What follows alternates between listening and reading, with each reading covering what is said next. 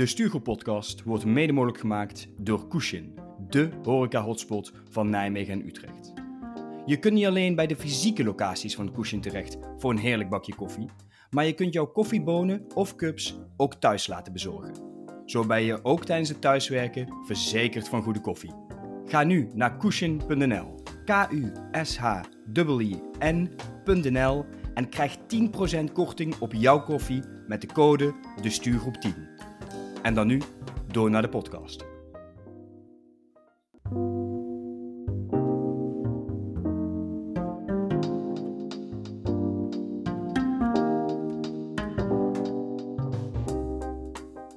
Welkom bij aflevering 36 van de Stuurgroep podcast. Mijn naam is Koen Ik ben Colin. En ik ben Melvin. en deze aflevering gaan we het hebben over vriendschap in de kantoorjungle.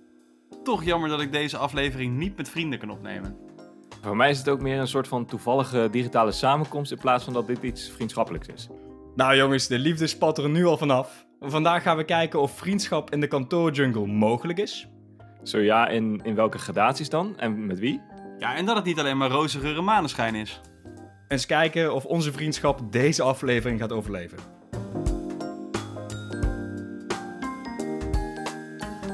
Ja, vrienden of niet, geld moet rollen. Al willen we natuurlijk wel dat het geld onze kant op rolt en niet naar de kantoorjargon boetepot. Melvin, wat is de stand van zaken? Ja, de structurele stand van zaken die is, eh, die is goed. Want iedere keer dat wij kantoorjargon gebruiken, dan gaat er een hele euro de boetepot in. Die boetepot die gebruiken we dan voor winacties of voor de organisatie van geweldige hijsessies. Op onze website www.destuurgroep.nl vind je een opsomming van alle woorden die wat ons betreft onder kantoorjargon vallen en die dus bestraft worden. Dat betekent dat wanneer wij iets achter de hekken willen krijgen, terwijl we geen herder zijn die zijn schapen binnen probeert te krijgen, we bestraft dienen te worden met keiharde euro's. En Melvin, die bewaakt de opgespaarde euro's. Ja, dat is helemaal correct. En in de aflevering van vorige week gingen we zeven keer de mist in. En Koen, heb je vandaag wel je hardloopschoenen thuis gelaten of moet je weer ergens op rennen? Ja, jij refereert natuurlijk naar mijn opmerking van dat wij ergens op gaan rennen als organisatie, zei ik volgens mij.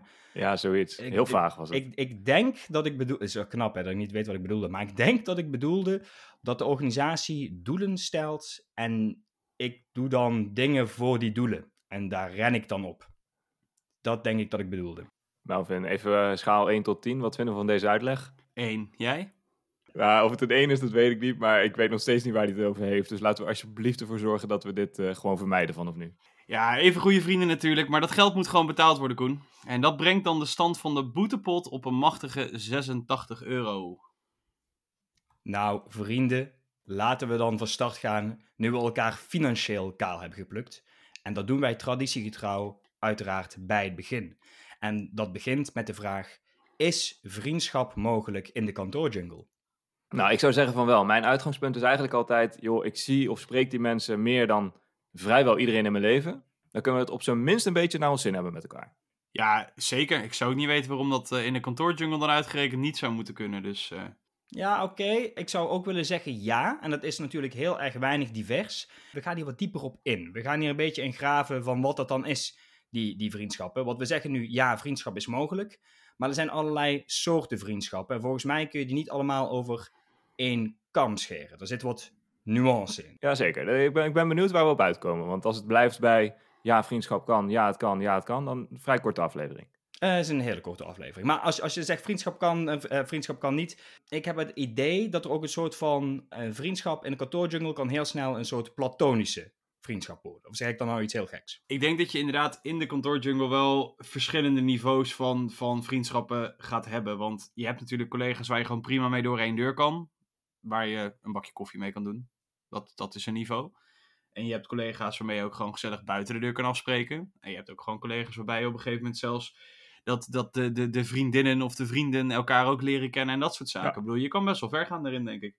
Je geeft nu eigenlijk drie typen vriendschappen aan. Heb je ook zelf dan nu voorbeelden van dat jij ook alle drie die vriendschappen voorbij ziet komen? Of is het iets wat je theoretisch nu ter plekke verzint? Nee, ik eh, zie dat echt wel, eh, echt wel voorbij komen. Zeker in eh, collega's die ik nog voor coronatijd heb leren kennen. Dat is toch namelijk wel wat anders. Ik heb een collega die nou ja, in ieder geval hier al meerdere malen ook thuis is geweest voor een bakje koffie. Of dat we samen even zijn wezen wandelen. En dat doe ik bij hem ook. Ja, dat is voor mij even in die klassificatie van net is dat nummer drie.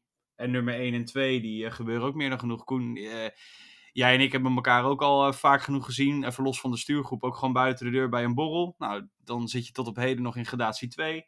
En je hebt genoeg collega's die, waar je gewoon een bakje mee doet. Dus ja, ik heb ze alle drie wel, kan ik ze...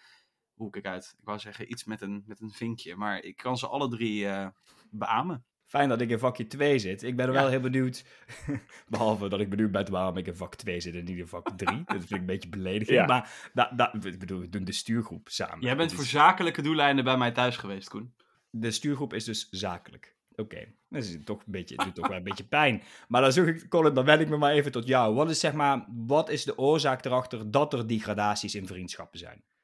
Ja, ik denk dat, er, dat je best wel snel doorhebt, ook in de kantoorjungle, of je een vriendschappelijke klik hebt met iemand. Als in, komt er een nieuwe collega binnenwandelen, dan weet ik tenminste vrij snel of die persoon letterlijk een vriend van mij zou kunnen worden. Hebben we op dat niveau een, een persoonlijke klik met elkaar? Of blijft het meer die platonische relatie, weet je, je kan gewoon prima met elkaar door één deur, het blijft allemaal professioneel en that's it. Maar bijvoorbeeld helemaal aan het begin van coronatijd heb ik gewoon met een paar collega's tot diep in de nacht op vrijdag, want geen vrijdagmiddagborrel, Call of Duty gedaan met z'n allen. Ja, dat, daar kies je er maar een paar vooruit natuurlijk. Sowieso omdat je maar met, met een paar man een supportje kan doen. Dat doe je niet zomaar. Zijn dit dan automatisch ook collega's waarmee je veel tijd al doorbrengt? Of doet dat er niet zoveel toe? Nou, het zijn in, in mijn geval vaak wel mensen uit mijn team. Alleen dat zegt bij mij op het werk niet per se dat ik met die mensen ook heel veel werk. Sterker nog, de mensen waar ik misschien de beste vriendschappen mee heb opgebouwd over de laatste jaren, daar doe ik inhoudelijk eigenlijk heel weinig mee. Ja, het een staat wel los van het ander wat mij betreft. Staat het los van het ander? Of is het juist bij jou een beetje andersom, omdat je er minder inhoudelijk mee doet, maar je toch een bepaalde verbondenheid hebt, dat het juist makkelijker is om vrienden te zijn dan? Dat is een hele ingewikkelde vraag en het antwoord daarop is nee, want ik heb ook wel eens gewerkt met mensen waar ik een goede vriendschap mee had. En dan kwamen we erachter dat, hey, we hebben niet alleen maar naar ons zin, maar we kunnen ook inhoudelijk elkaar nog eens heel goed aanvullen. Juist omdat we ook gewoon een, een goede vriendschap hadden met elkaar, wisten we elkaar ook gewoon veel makkelijker te vinden als het dan even moeilijk werd in het project of zo. Dus ja, dan hielp het juist eigenlijk ook wel weer. Ja, oké. Ik, moet zeggen, als ik naar mezelf kijk, hè, juist om de collega's waarmee ik veel tijd doorbreng, en ik dan ook wel een bepaalde klik heb waar ik mee kan vinden, dat zijn dan vooral die, die vriendschappen die bij Melvin in vakje 1 zaten, die platonische vriendschappen. Als in, daar ga je nu best veel mee om, en dat kun je ook wel als vrienden zien, maar stel je voor, ik zou naar een ander bedrijf gaan, of naar een ander team binnen hetzelfde bedrijf, dan weet ik niet of zo'n vriendschap stand houdt. Dat zijn dan toch meer tijdelijke vriendschappen. Ja. Melvin, jij bent nog behoorlijk stil geweest over eh, dit onderwerp. Hoe meer tijd je met iemand doorbrengt, hoe makkelijker het je vriend of vriendin kan worden. Ja, ja, ja, ik denk dat dat uiteindelijk wel het geval is. Alleen hoe meer tijd je met iemand doorbrengt, hoe beter je ook gaat merken of je echt met iemand kan klikken. Maar het kan natuurlijk dan ook juist volledig de andere kant op uitdraaien. Ja. Want als je geforceerd wordt om met elkaar tijd door te brengen, kom je ook achter dingen die misschien helemaal niet liggen. Dus dat platonisch, dat kan heel erg omhoog gaan en het kan heel erg naar beneden gaan. Ik, heb, ja, ik denk dat je ze beide makkelijk ziet gebeuren. Oké, dus, dus er zijn die gradaties qua vriendschap. Prima. Nou, wij zijn allemaal wel voorstander van vriendschap in de kantoorjungle. Want hey, tot een zekere hoogte, categorie 2 heb ik net vernomen, zijn wij ook eh, vrienden, vrienden van elkaar. Ik, Dus zit je echt diep dit, hè? Twee uit drie. Twee uit drie, weet je, dus ruim voldoende. ik ken mijn plek. is, is helemaal goed. Maar het is wel een beetje, als je dit nu luistert en je denkt, oh fuck, dat heb ik niet. Is het zo dat het zo gebruikelijk is als in mensen die geen vrienden op kantoor hebben, dus die werk en privé gescheiden houden, daar is iets mis mee? Zeggen we dat dan nu eigenlijk? Nee, helemaal niet. Kijk, hoewel ik er zelf energie van krijg en ik denk dat het ook kan helpen om inhoudelijk gewoon een hele goede samenwerking op te bouwen. Dus als je het naar je zin hebt met elkaar, gaat het op de projecten ook goed. Is het natuurlijk ook heel goed voor te stellen als iemand zegt, joh, ik laat de boel lekker de boel na mijn werk. Ik eh, werk gewoon 9 tot 5. En ik heb, weet ik veel, in mijn thuissituatie genoeg andere dingen aan mijn hoofd. Dit is gewoon eh, lekker huiswaarts eh, nadat ik hier mijn klusjes gedaan heb. Ja, dat is je goed recht, toch?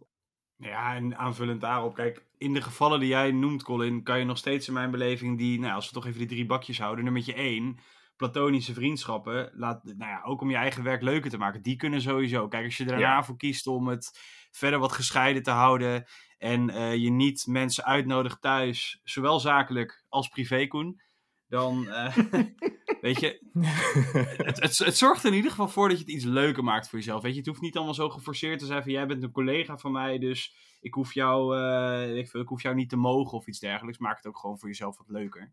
Ja.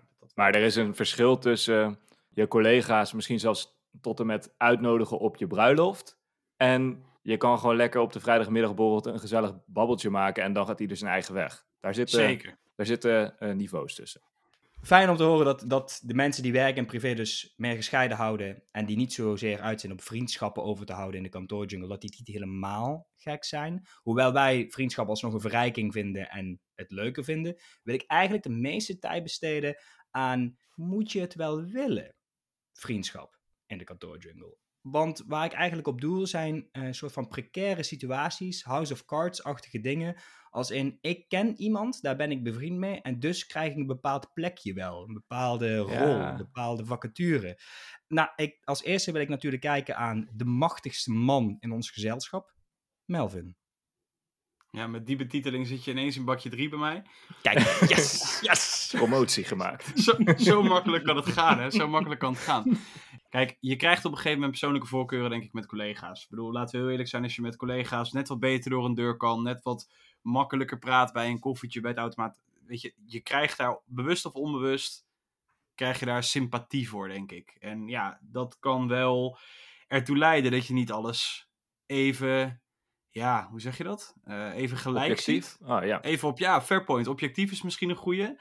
En waar je ook bewust van moet zijn, is ja, nu ben je misschien een soort van collega's naast elkaar aan hetzelfde bureau met hetzelfde doel. Maar misschien is morgen de wereld anders. En wordt de ene je baas, of ga je in een soort van tegenstrijdige teams werken, of weet ik veel. Maar in ieder geval dat je elkaar op een andere manier moet gaan tegenkomen. Ja. En ja, dan wordt het wel lastiger, lijkt mij in ieder geval.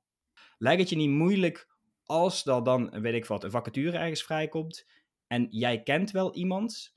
Vind je het dan juist moeilijk om te zeggen, oh, ik ken wel iemand die daar, ja, geschikt wil ik nog niet zeggen, maar ik ken wel iemand die dat leuk vindt? Schuif je dan sneller een vriend naar voren of niet?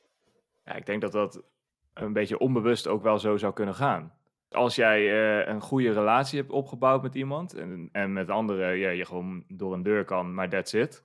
Ja, dan is het toch Mhm. ook altijd zo als je toffe dingen voorbij ziet komen dat je denkt, nou, die maat van me, die mag best wel eens even eh, weer een nieuwe kans krijgen. Rob, eh, even kijken of het hem gaat lukken om daarvoor in aanmerking te komen. Die totale vijvertje waar je dan uit vist wordt ook gewoon kleiner. Tuurlijk, als je dat voorbij ziet komen, dat je voor vrienden dan iets extra's wil doen en zegt, joh, ga daar eens kijken. Maar stel je voor, en misschien dat Melvin het snelste van ons in die situatie terecht kan komen vanwege zijn rol. Stel je voor, jij hebt een plek in jouw team. Ga je dan als eerste een vriend benaderen in die kantoorjungle? Van, hey, zou je het niet leuk vinden om?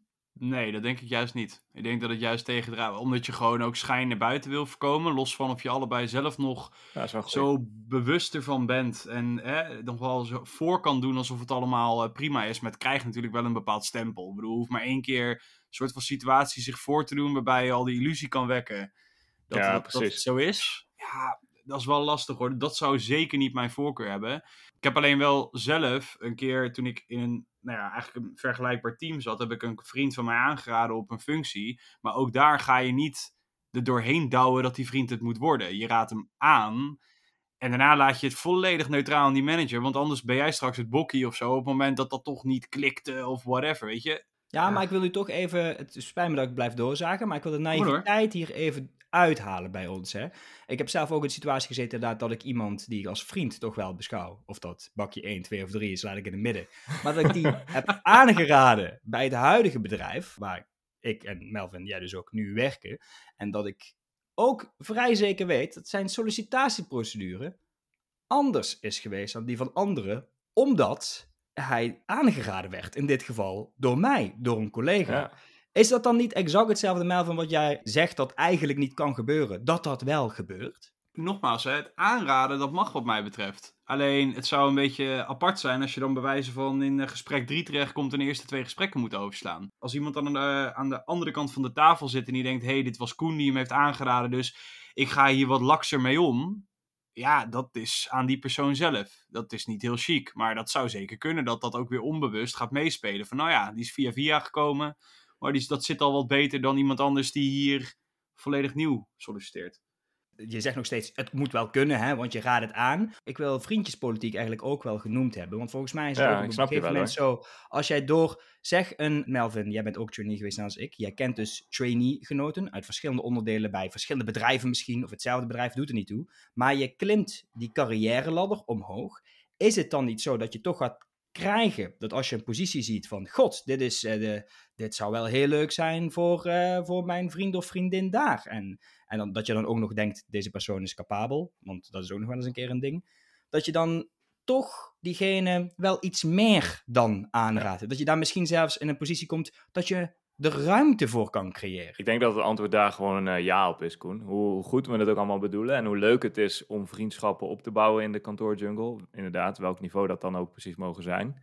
Zorgt het voor een soort kans op vertroebelde beoordeling. Ik zeg niet dat het gebeurt, maar ik zou zeggen dat we naïef zijn, en dat, dat woord noemde je net ook al, als we zouden stellen dat dat niet een gevolg kan zijn van een vriendschap opbouwen. Maar heel eerlijk, hoe anders is dit dan een referentie krijgen bij een sollicitatie? Ik bedoel, in dat geval zou ik dan bijvoorbeeld zeggen dat iemand best wel goed in die functie zou passen. Dan steek ik er nog één veer extra bij in de reet. Ja, dat kan. Maar ja, je krijgt ook dan, ja, het is een soort van referentie.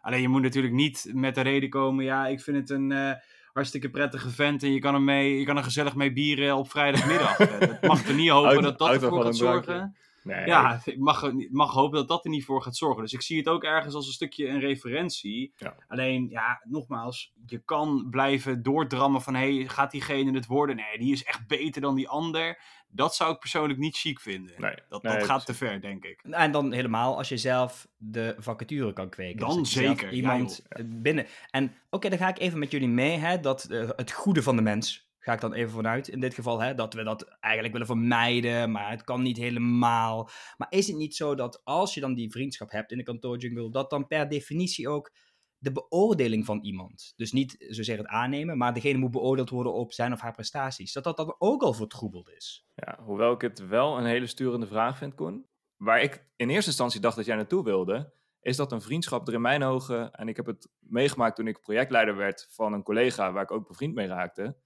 is dat het af en toe best wel lastig is om, wanneer je gewoon merkt dat het misgaat, dat iemand zich, ja, gewoon, uh, dat hij of net niet lekker op zijn plek zit, dat hij een, een, een relatie met een klant heeft die net onder druk staat, dat het moeilijker wordt, tenminste voor mij persoonlijk, om elkaar te corrigeren. Of, ja, ik, ik moet dit zeggen, want ik vind het toch ook wel weer een mooi woord.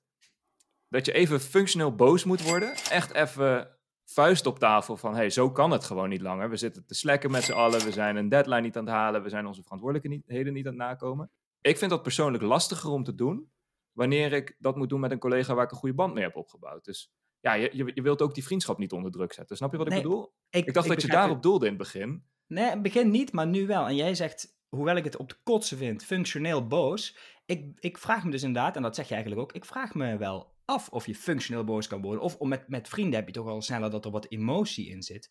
Of dat dan opeens een oprechte boosheid is. Of dat je het. Ja, ja, dat is het. Dat je het te lang uitstelt en dat het dan in één keer echt klapt. Uh, Kijk, even functioneel boos worden, daar bedoel ik meer mee. Even van jongens, uh, om, maandag om negen uur. Van nou is het even klaar met het gehannes. We zitten nou al drie weken een beetje om elkaar heen te draaien. Gas erop nou. Vrijdag moet het af zijn. Weet je? En, en dan door. Dat is in mijn beleving dan even functioneel boos worden. En, en als je ja, dat niet weet te doen of niet weet, uh, goed weet te doseren, omdat je ook met elkaar bevriend bent, ja, dan, dan, loop je het risico dat het gewoon een keer echt klapt. Eens, als ik heel eerlijk, als ik naar mezelf kijk, mezelf even een kritische spiegel voorhouden, dan denk ik ook dat ik ben gelukkig nog niet in een situatie terechtgekomen, maar dat door vriendschap in die kantoorjungle ik best wel eens iemand ook een hand boven het hoofd zou kunnen houden, terwijl het eigenlijk niet de bedoeling is en voor anderen ook kan overkomen als vriendjespolitiek of de, de, de achterkamers uh, van de kantoorjungle. Ja, ja. nee, dus, helemaal mee eens. De Haagse praktijken. De, de Haagse praktijken laten de gevaarlijke kanten zien van de, die vriendschap in de kantoorjungle. We hebben ook natuurlijk de, de mooie kanten eigenlijk heel erg goed belicht. Alleen als luisteraar weet je nou niet zo goed wat je hiermee aan moet. Dus kunnen we misschien toch nog per persoon een gouden tip formuleren ter afsluiting? Ja, ik, ik denk dat dat toch wel inhaakt op die Haagse praktijken. Mijn tip zou zijn namelijk, uh, hou werk en privé gescheiden. Dat bedoel ik niet mee dat je geen vrienden mag zijn, maar zorg dan met die persoon dat je wel met elkaar over zowel werk als privé kan praten. Dat je ook met, naar elkaar toe open en eerlijk kan zijn van, joh, nu even vriendschap tezijde geschoven. En dan zo'n uitspraak die jij zou doen, hè, Colin, dat functioneel boos worden, dat moet kunnen. Maar dat moet je ook mhm. wel bespreekbaar houden en maken met elkaar. Want anders dan inderdaad verlies je straks ook je vriendschap. Dus werk en privé gescheiden houden, maar dan op deze manier. Ik vind het een hele mooie tip. En eigenlijk uh, sluit die klein beetje bij die van mij aan. Want de, de categorie 1 vriendschap, de platonische vriendschap die Melvin al net noemde, die moedig ik eigenlijk heel erg aan. Als in wees vriendelijk voor iedereen in de kantoorjungle. Maar wees, een, wees echt heel erg huiverig om iemand in de categorie 2 of categorie 3. Ik bedoel, de, de, je moet het, het moet echt, echt heel goed voelen. En het kunnen maar, in mijn mening, één of twee mensen zijn die uiteindelijk ook op je bruiloft of zo zou uitnodigen. Hè? Dan zit je echt al heel ver gevorderd. Wees daar gewoon heel spaarzaam mee. Hey Koen, ik ben het natuurlijk met jou eens hè, dat, dat het grootste deel van die vriendschappen prima op dat platonische niveau kan blijven. Maar mijn tip zou inderdaad wel zijn om echt twee of drie mensen te kiezen waar je echt een hele goede band mee opbouwt. Want hoe leuk het ook is om af en toe een biertje met elkaar te drinken, er komen ook momenten dat je even niet lekker in je vel zit. En dan wil ik niet iedereen nu bang maken. Kan zakelijke redenen hebben, kan privé redenen hebben. Maar het is echt heel erg prettig als je op zo'n moment ja, weet dat je een paar mensen om je heen hebt in die kantoorjungle waar je echt op kan vertrouwen. Dus ja, ik zou het je absoluut aanraden. Het zijn wel echt hele wijze woorden om toch, toch nog best een zwaar onderwerp wat we ervan hebben gemaakt, om dat er mee af te sluiten. Lijkt me leuk om dit ook een keer met echte vrienden te bespreken. De categorie 3 vrienden, zoals Melvin ze noemt. In plaats van in dit categorie 2 gezelschap. Nou ja, Koen, ik ga daar verder gewoon niet op in. Maar misschien is het wel leuk om eens een keer een luisteraar in de digitale studio te hebben. Dus beste luisteraar, denk jij nu, oh my god, ik wil dit? Stuur ons dan een e-mail op info.destuurgroep.gmail.com of neem contact op via onze social kanalen. Dat mag om dus deel te nemen aan een aflevering. Ja, of als je andere tips of trucs wilt delen. Ja, en als we dan volgende week weer terug zijn, nadat Koen en ik dit akkefietje hebben uitgesproken en Koen en ik weer samen aligned zijn over bakje 3, dan is er hopelijk weer een nieuwe aflevering van de Stuurgroep podcast. En die zal dan mooi opvolgend zijn op deze, want na vriendschappen gaan we volgende week ons wagen aan kantoorromantiek. Dat belooft wat te gaan worden. Maar voor nu verzorgt Colin natuurlijk gewoon weer de afsluiting. Ja, dankjewel Melvin. Vond je dit een toffe aflevering? Vergeet de Stuurgroep podcast dan niet te volgen in je favoriete podcast app. Naast de podcast plaatsen we natuurlijk regelmatig artikelen op onze website www.destuurgroep.nl. En zijn we actief op de socials. Dat is heel simpel. de Stuurgroep op Instagram en de Stuurgroep op LinkedIn. Volg ons even, zodat je op de hoogte blijft van de nieuwste artikelen. En zodat je precies weet wanneer de volgende aflevering van de podcast online staat. Voor nu zou ik zeggen, bedankt voor het luisteren en tot volgende week.